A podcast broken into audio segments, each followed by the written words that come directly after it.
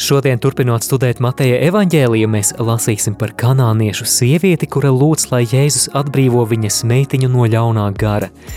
Un izrādīsies, ka šī notikuma nozīme ir krietni vien dziļāka nekā tikai stāsts par uzklausītu lūkšanu. Randiņa ar bībeli 49. epizode Jēzus – Mesija visām tautām. Randiņš ar bībeli Studijā Māris Veliks.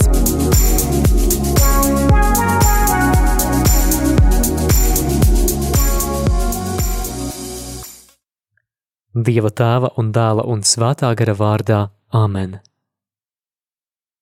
Svētais gars, kad mēs lasām evaņģēliju, mums ir vajadzīga tava klātbūtne, jo tad, kad tu darbojies, tad šis vārds mūsu priekšā atdzīvojas un nes augļus caur mūsu dzīvi. To mēs lūdzam Jēzus Kristus vārdā. Āmen! Svētais Matei lūdz par mums!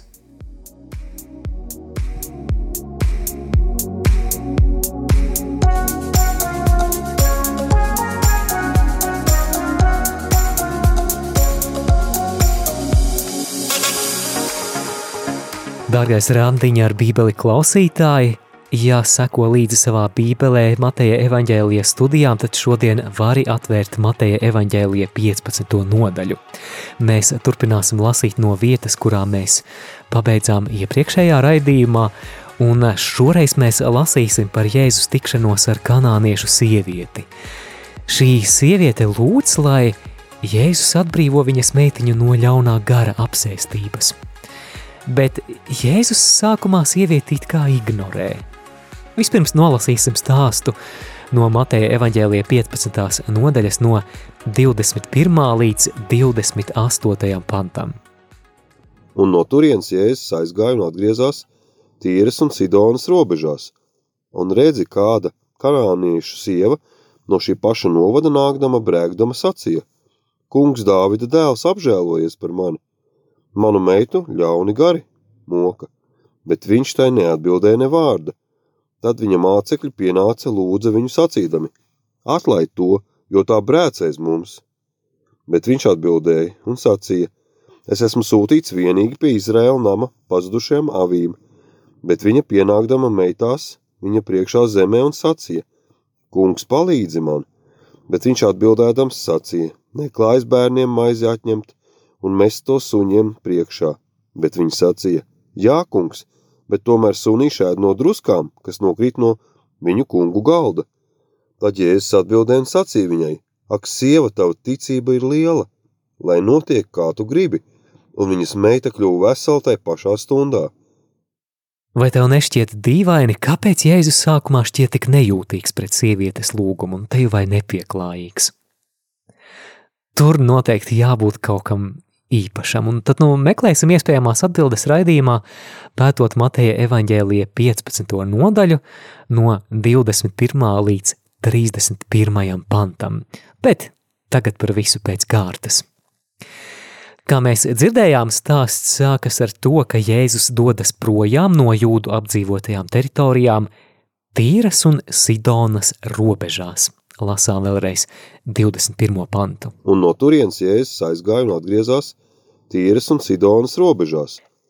Iepauzēsim šeit uz brītiņu, lai parunātu par geogrāfiju, jo galu galā daudziem radio Marija klausītājiem nav ne jausmas, kur tā tīra un Sidona atradās. Tad, nu, iztēlojies mūsdienu Izrēlas teritoriju, es domāju, ka vairāk vai mazāk zinām, kur kartē tas atrodas, un tad, nu, šīs divas pilsētas bija mazliet uz ziemeļiem no mūsdienu Izrēlas. Šodien tā ir Libānas teritorija, un Šīs bija divas pilsētas vidusjūras krastā, un tās bija lielākās pilsētas feniķiešu apdzīvotajās zemēs. Vēl viena lieta, ko ir vērts atcerēties, ka vecās derības praviešiem nekas labs par Tīru un Sidonu nebija sakāms. Viņi tās vairāk kārt ir nosodījuši kā Izrēļa tautai naidīgas. Lūk, tad nu šeit ir nonācis Jēzus un notikums turpinās. 22. pants un redzi kāda kanāniešu sieva no šī paša novada nākdama brēkdama sacīja, kungs Dāvida dēls apžēlojies par mani. Manu meitu ļauni gari moka. Interesanti, kas šo sievieti motivē uzrunāt Jēzu. Protams, ka viņai rūp viņas meitiņa, kura cieš no ļaunā gara. Manuprāt, ļoti skaists mātišķas upurgatavības piemērs sava bērniņa labā. Vai ne? Ir cik apbrīnojami, ka neatkarīgi no tā, kurai kultūrai sieviete pieder, neatkarīgi no tā, vai viņa pazīst dievu vai nepazīst dievu, ja mēs runājam par normālu māti, tad māte ir māte, mīloša, upur gatava, gatava cīnīties par savu bērnu. Šis piemērs vienmēr uzrunā. Bez tam lūgt palīdzību tieši Jēzum šo sievieti motivē vēl kaut kas. Atceries, kā sieviete uzrunā Jēzu. Viņa uzrunā Jēzu izmantojot mesijānisku apzīmējumu, proti Dāvida dēls.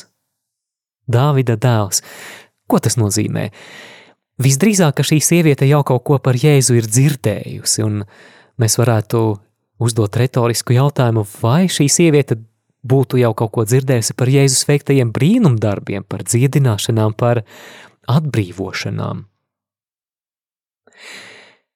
Sieviete, kā mēs dzirdējām, ir kanāniete, un kanānieši vecās derības izpratnē bija vieni no vēlākajiem Izrēļa tautas ienaidniekiem. Tie, kurus Dievs Izrēļa tautas priekšā vienkārši izdzen no apsolītās zemes. Kanānieši bija arī tie, kuru elgdievība bija pastāvīgs drauds dieva tautas uzticībai īstajam, vienīgajam dievam. To ir vērts atcerēties. Jo te sanāk tāda tam laikam neierasta situācija. Proti, pagāniete, Izrēļa tautas ienaidnieku pēctece, vēršas pēc palīdzības pie Izrēļa tautas mesijas, pie Jēzus. Ļoti neierasta kombinācija, Es tā domāju, kas varētu būt piemērs no šodienas pasaules, nu, varbūt mūsdienu starptautiskās spriedzes apstākļos, kad ziņās virsraksti vēstīja par Krieviju un Ukrainu, tad varbūt varētu salīdzināt ar to, ka, piemēram, Krievijas pilsonis lūgtu palīdzību Ukrainas patriotam vai otrādi. Tad, nu, ņemot to vērā, Lai arī cik mums Jēzus atbildē uz šo sievietes lūgumu šķistu nesaprotama, varbūt pat nepieņemama, tā laika kontekstā, ņemot vērā iepriekš sacīto, Jēzus atbilde varētu šķist pašsaprotama, un kā Jēzus reaģē, lasām tālāk. Bet viņš tai neatbildēja ne vārda. Jā, viņš tai neatbildēja neviena vārda. Ņemot vērā Izrēļa tautas un kanāniešu saspīlētās attiecības tas nebija nekāds pārsteigums, ka Jēzus kā Izrēļa tautas mācītājs uz pagānu sievietes lūgumu nereaģē. Citi jūdu reliģiskie līderi šajā laikā visdrīzāk būtu tieši tāpat rīkojušies. Bet mēs tālāk lasām, ka sieviete ir ļoti uzstājīga, neatlaidīga, un tas mācekļus sāk kaitināt, lasām tālāk. Tad viņa mācekļi pienāca lūdza viņu sacīdami: Atlaid to, jo tā brēcēs mums. Jēzus mācekļu vārdi būtu jāsaprot apmēram tā: Nu, nu Jēzu, izdari viņai, ko viņa lūdz. Citādi mēs vairs nevaram izturēt, vienkārši piegriezusies viņa mums ir. Vai mācekļu sirdis šeit ir iežēlojušās par nabaga sievieti? Diez vai izskatās, ka mācekļi drīzāk ir norūpējušies par savu komfortu. Viņi vienkārši grib ātrāk tikt vaļā no šīs uzmācīgās sievietes, kura ir vienkārši piegriezusies.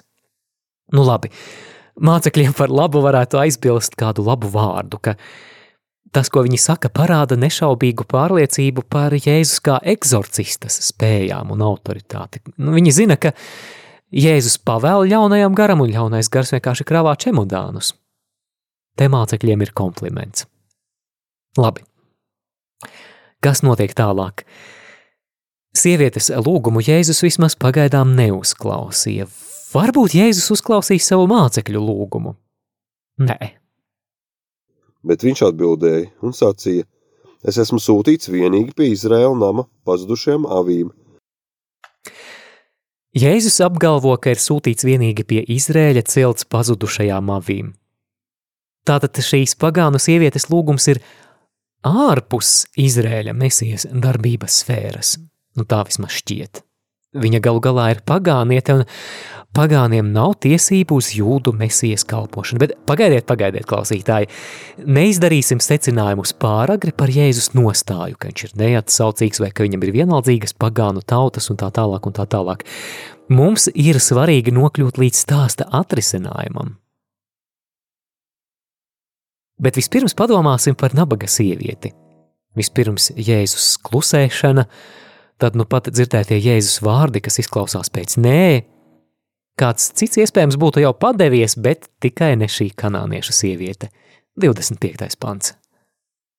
Bet viņa pienākdama meitās, viņa priekšā zemē un sacīja: Kungs, palīdzi man! Sieviete metas Jēzus priekšā zemē. Te ir lietots grieķu vārds proskineo, nešanās zemē, kas ir godības un cieņas izpausme. Un sieviete izsaka lūgumu, kungs, Kirie, palīdzi man! Vai šoreiz Jēzus piekāpsies un uzklausīs šo sievieti? Un Jēzus sievietei atbild ar līdzību. Bet viņš atbildēdams sacīja: Neklājas bērniem maizi atņemt un mest to suņiem priekšā. Vai tev Jēzus atbilde neizklausās mazliet aizvainojoša, jo šī līdzība, kā mēs dzirdējām, ar kuru Jēzus atbild sievietei, Izrēļa tautu raksturo kā bērnus, tātad tos, kam ir privilēģijas un tiesības. Savukārt, pagānus raksturo kā sunīšus. Jā, labi, šeit grieķu tekstā ir lietots diminutīvs, runa ir par maziem sunīšiem jeb kucēniem, bet neatkarīgi no tā, vai tie būtu lieli suņi vai mazi sunīši, tā laika jūdu izpratnē liels vai mazs suns bija nešķīsts. Un bērniem ir tiesības un privilēģijas, uz kuriem sunīši nemaz nevar cerēt. Atcerēsimies Jēzus vārdus Kalnas prediķī, jeb precīzāk 7. nodaļā Mateja evaņģēlijā 6. pants – nedodiet svētumu suņiem. Nu vai nav par daudz, vai tagad beidzot sieviete padosies? Nē!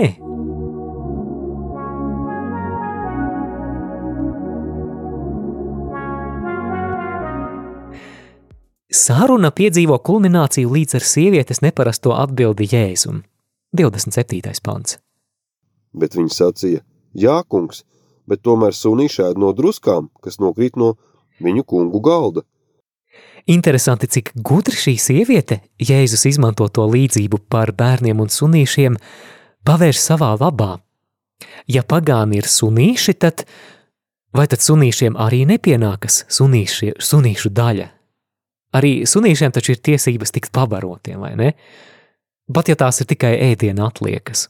Jā, Jēzus kā Izraēļa tautas mesija vai kā šī sieviete viņu uzrunā Dāvida dēls, ir tiesīgs nākt pie savas tautas pārstāvjiem, bet viņa misija taču nevar beigties tur,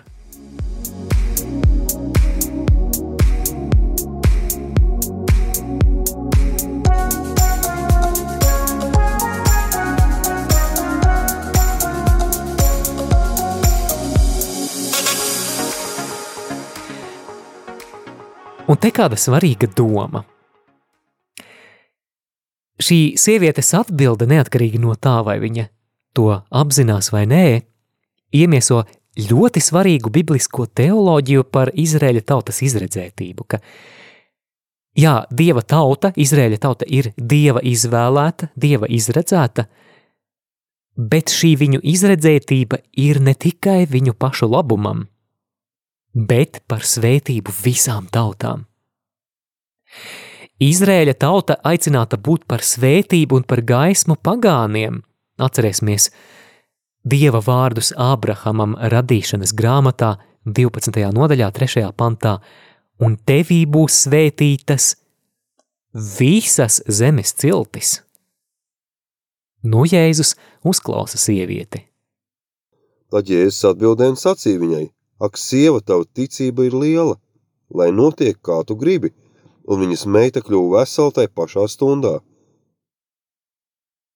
Jēzus uzslavē šīs sievietes ticību, un viņas meita tūlīt pat tiek dziedināta, notiek brīnums.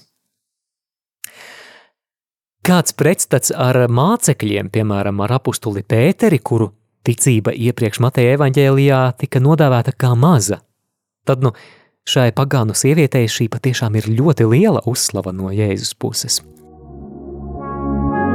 Randiņš ar Bībeli. Savedējs Māris Veliks.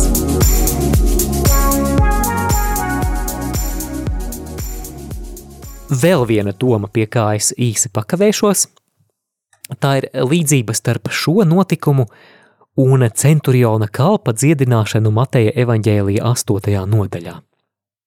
Kur tās līdzības ir? Abos gadījumos palīdzību lūdz nevis slimnieks, bet gan slimnieka aizbildnis. Šajā gadījumā tā ir meitenes māte. Mateja 8. nodaļā tas ir centurions.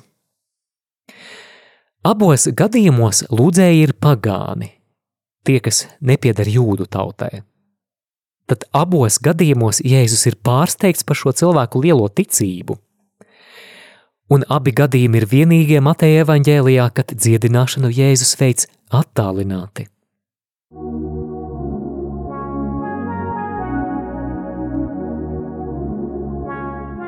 Tad kā galu galā ir ar Jēzus skarbu attieksmi pret kanāniešu sievieti? Es domāju, ka daudziem evaņģēlija lasītājiem vai randiņa ar bībeli klausītājiem Jēzus izturēšanās ir izsaukusi neizpratni. Kā kungs tā atļāvās? Kāpēc viņš vilcinās? Kāpēc viņš uzreiz nesaka jā? Šis stāsts ir jālasa no sākuma līdz beigām. Ja notikums apstātos pie Jēzus piezīmes par pagāniem kā sunīšiem, tad šis jautājums par Jēzus skarbo runu patiešām paliktu neatrisināts, bet mums ir jāņem vērā, kā stāsts beidzās. Jēzus taču uzklausa sievietes lūgumu, vai ne? Viņas meitiņa tūdaļ tika atbrīvota no ļaunā gara ietekmes, vai ne? Mēs dzirdējām arī, ka Jēzus Sievieti uzslavē par viņas lielo ticību, un pat mācekļi taču nesaņēma šādas uzslavas par viņu ticību. Tātad stāsts, kā mēs dzirdējām, noslēdzas ar Jēzus atsaucību un labvēlību šai sievietei. Un tagad svarīgs jautājums.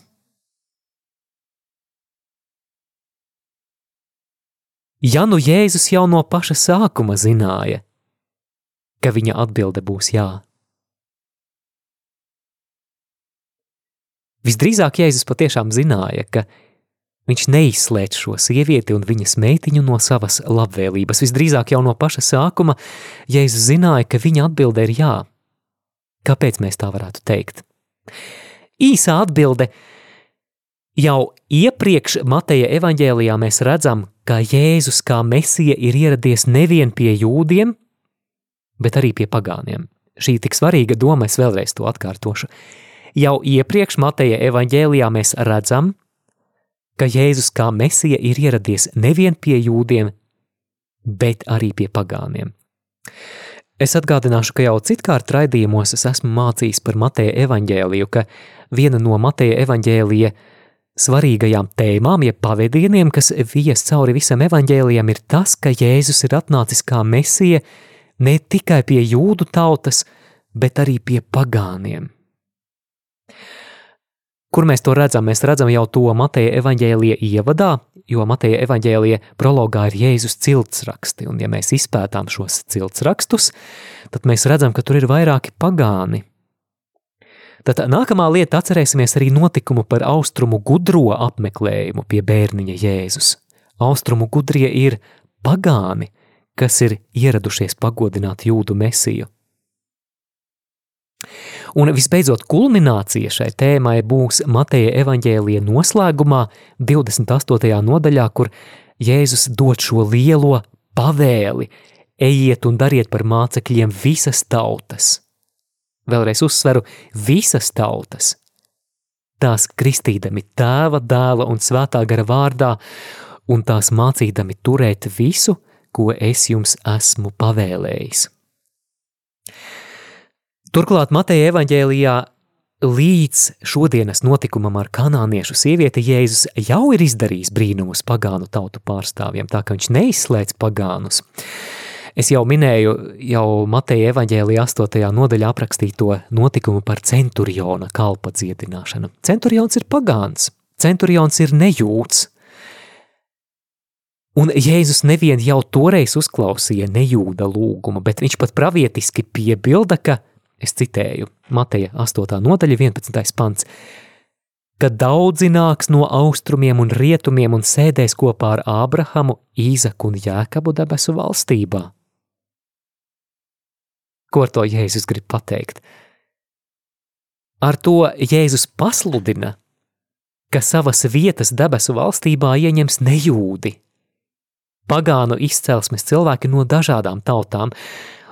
Un vēl tālāk, mazliet tālāk, arī Mateja evaņģēlija 8. nodaļā, Jēzus atbrīvo divus apsēstos pagāniskajā Gadaras apgabalā. Ko mēs varam secināt? Tātad iemesli, kādēļ Jēzus neuzreiz atbild kanāniešu sievietei ar jā, lai tev notiek tā, kā tu vēlies, diez vai ir saistīti ar Jēzus misijas pievēršanos tikai jūdiem.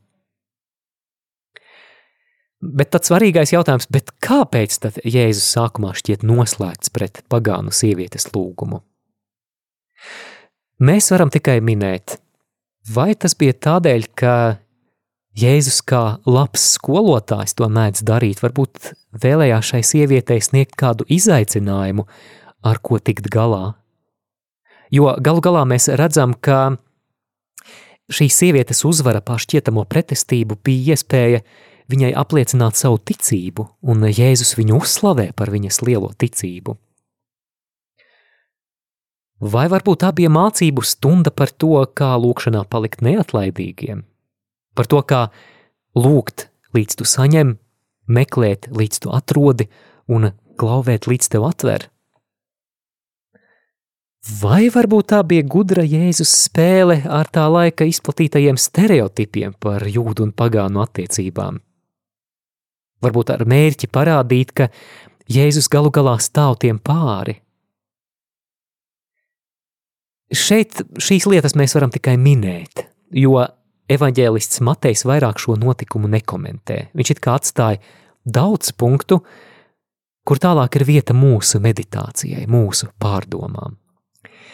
Bet noslēgumā par šo stāstu tas, ko es vēlos uzsvērt, ir tas, ka kanāniešu sievietes atteikšanās pieņemt, ka pagāni ir izslēgti no dieva žēlastības, ir kaut kas pravietisks. Tas ir ieskats patiesībā, ka debesu valstība ir atvērta cilvēkiem no austrumiem un rietumiem, tātad visām tautām.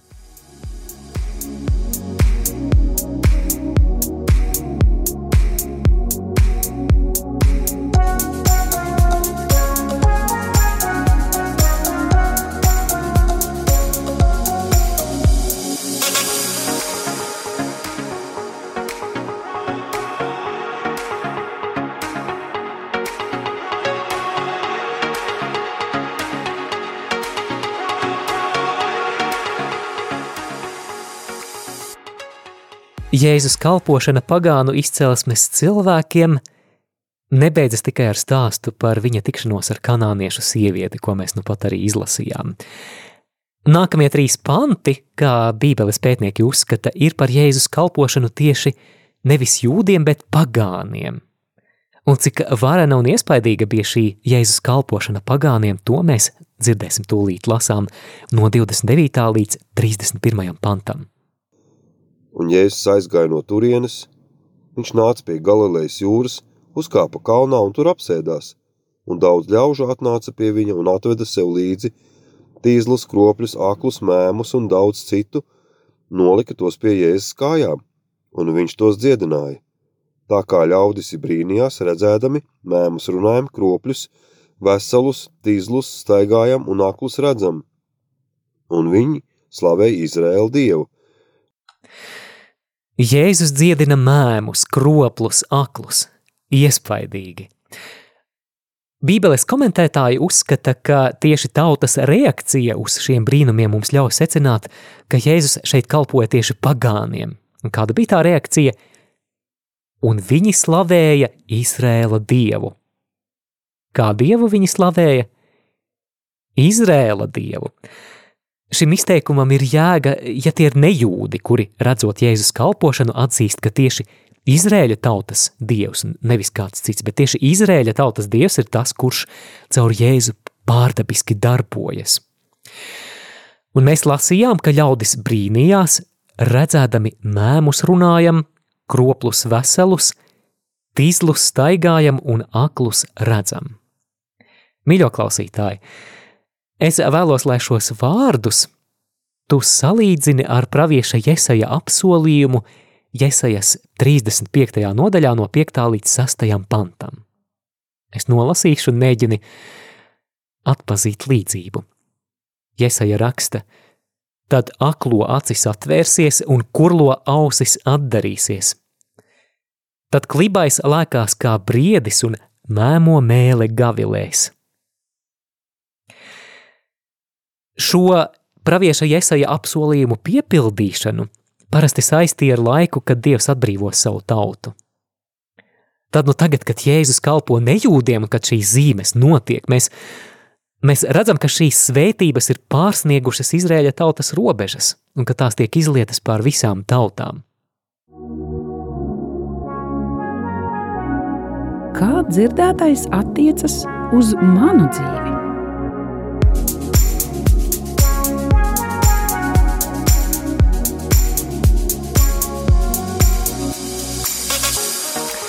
Joprojām savu skanējumu turpina raidījums Randiņš ar bībeli un radio Marija ēterā es Māris Veliks. Ir pienācis laiks atbildēt uz šo jautājumu, kā tad šodien lasītais Dieva vārds attiecas uz tavu un manu dzīvi. Manuprāt, pirmkārt daudziem cilvēkiem šī saruna starp Jēzu un kanāniešu sievieti saistās ar – neatlaidīgas lūkšanas spēku. Tas, protams, būtu viens no pavadieniem, par ko runāt, jo patiešām apbrīnojama ir šī sievietes neatlaidība, sievietes ticība un gatavība turpināt, pat neraugoties uz šķietamo Jēzus nē atbildi. Bet šodien es vēlos runāt par kādu citu domu. Šis ir vēstījums, kā jau noprati no iepriekš sacītām, par to, ka Jēzus ir mesija nevien jūdu tautai, bet arī pagāniem. Šī, šī sievietes atbilde par sunīšiem, kas ēd no tā, kas nokrīt no saimnieku galda, mums pravieto lūk ko. Kā arī pagānu tautas ir aicinātas galda kopībā ar Jēzu. Ka Jēzus ir gaisma nevien jūdu tautai, bet arī gaisma pagānu apgaismošanai. Kāds mums ar to sakars? Jā, mīļo klausītāji, mēs piedaram dažādām tautībām. Esam latvieši, krievi, poļi, ukraiņi, lietuvieši, igauņi, baltkrievi, indieši un tā tālāk un tā tālāk. Un ir tā, ka mēs ik viens, kas etniski nepiedaram ebreju tautai, esam pagānu tautu pēcteči. Tad, nu, šodienas fragmentā ietvertā patiesība ir prieka vēsts mums katram neatkarīgi no tā, kurai tautībai mēs piedaram. Mums, kas savas izcelsmes dēļ nevarējām būt galda kopībā ar bērniem, Jēzus mūs ir darījis visus par vienu dieva ģimeni. Tad nu šajā debesu valstībā ir saplūdušas tautas no austrumiem un rietumiem, no ziemeļiem un dienvidiem, un piederība šai valstībai vairs nav saistīta ar etnisko piederību. Caur kristību un ticību baznīcā mēs tiekam apvienoti, neraugoties uz to, kāda ir mūsu izcelsme. Un tā ir ļoti laba vēsts, par ko mēs varam slavēt Dievu. Jā, mūsu tautas ir izdzirdējušas pestīšanas priecīgo vēsti, un tām ir atvērušās durvis uz valstību. Un tas ir pateicoties kam? Pateicoties tam, ka Dievs savā žēlastībā ir piepildījis vecās derības apsolījumus, ka Ābrahama pēcnācējos tiks svētītas visas tautas. Un kā viņš to īstenoja? Caur savu dēlu Jēzu Kristu. Caur to, kuru jau bērnībā sveica pagānu austrumu gudrie. Caur to, kurš pēc augšām celšanās pavēlēja darīt par mācekļiem visas tautas. Kā šo vēsti praktiski izdzīvot? Pirmkārt, manuprāt, mēs varam pateikties Dievam par viņa aprīnojamo žēlastību Jēzu Kristu. Tu vari savā personiskajā lūkšanas laikā slavēt Dievu, ka Dievs ir izrādījis labvēlību visām tautām. Otrakārt, ko mēs varam darīt, mēs varam lūgties par savu tautu un par savu valsti. Jo es domāju par to, ka mēs, kristieši Latvijā, nevien varam lūgt par atmodu Latvijā, bet mums vajadzētu lūgt par, par atmodu Latvijā, lai latviešu tauta, lai visas tautas, kas Latvijā dzīvo, patiešām atvērtos tai žēlastībai, kuras mantinieki mēs varam būt pateicoties Jēzum Kristum. Un raidījuma noslēgumā es vēlos lūgt par Latviju kopā ar tevi, klausītāji. Lūgt par Latvijas atmodu, Man pašam tā šķiet ļoti svarīga tēma, jo mēs redzam, ka bez dieva mēs klibojam, mēs buksējam. Mums ir vajadzīga jauna, svētā gara izliešanās. Mums ir vajadzīga jauna atgriešanās, un, un es aicinu, lai mēs to lūdzam šajā brīdī, un būšu pateicīgs un priecīgs, ja arī ikdienā savā personiskajā lūkšanā lūksi par mūsu zemi, par mūsu tautu, par tās glābšanu. Dieva tēva un dēla un svētā gara vārdā Āmen. Kungs, Dievs, mēs tev pateicamies par svēto Meinardu, mēs pateicamies par ikvienu, kurš ir pasludinājis evaņģēlīja vēsti šajā zemē. Mēs tev pateicamies par ticības dāvanu, un mēs lūdzam piedošanu, ka mēs no tās esam novērsušies, ka mēs esam kļuvuši remdeni, un ka mēs esam pagriezuši muguru Tev, Dievs. Bet mēs, kā šīs zemes pārstāvji un kā Tavas valstības pilsoņi, lūdzam, lai notiek mūsu zemē kā debesīs, tā arī virs zemes. Kungs, mēs lūdzam apmeklē mūs atkal, dāvā mums jaunu atgriešanās žēlastību, dāvā jaunu svētā gara izliešanos – Izlai savu svēto garu pār mūsu draudzēm, lai tās atdzīvojas. Izlai savu svēto garu pār mūsu ģimenēm, lai tajās plaukst ticība. Izlai savu svēto garu pār mūsu darba vietām, pār ciematiem un pilsētām. Mēs lūdzam glābt mūsu tautu.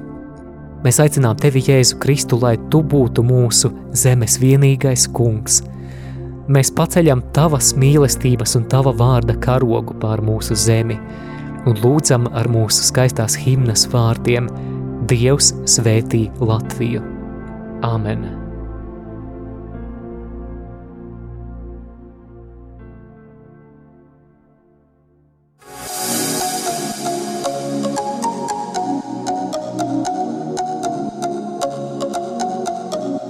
Jūs klausījāties raidījumu Randiņš ar Bībeli. Savas atsauksmes, ieteikumus un jautājumus sūtiet uz e-pastu Randiņš ar Bībeli at gmail.com. Iepriekšējās raidījuma epizodes aicinām meklēt arhīvā.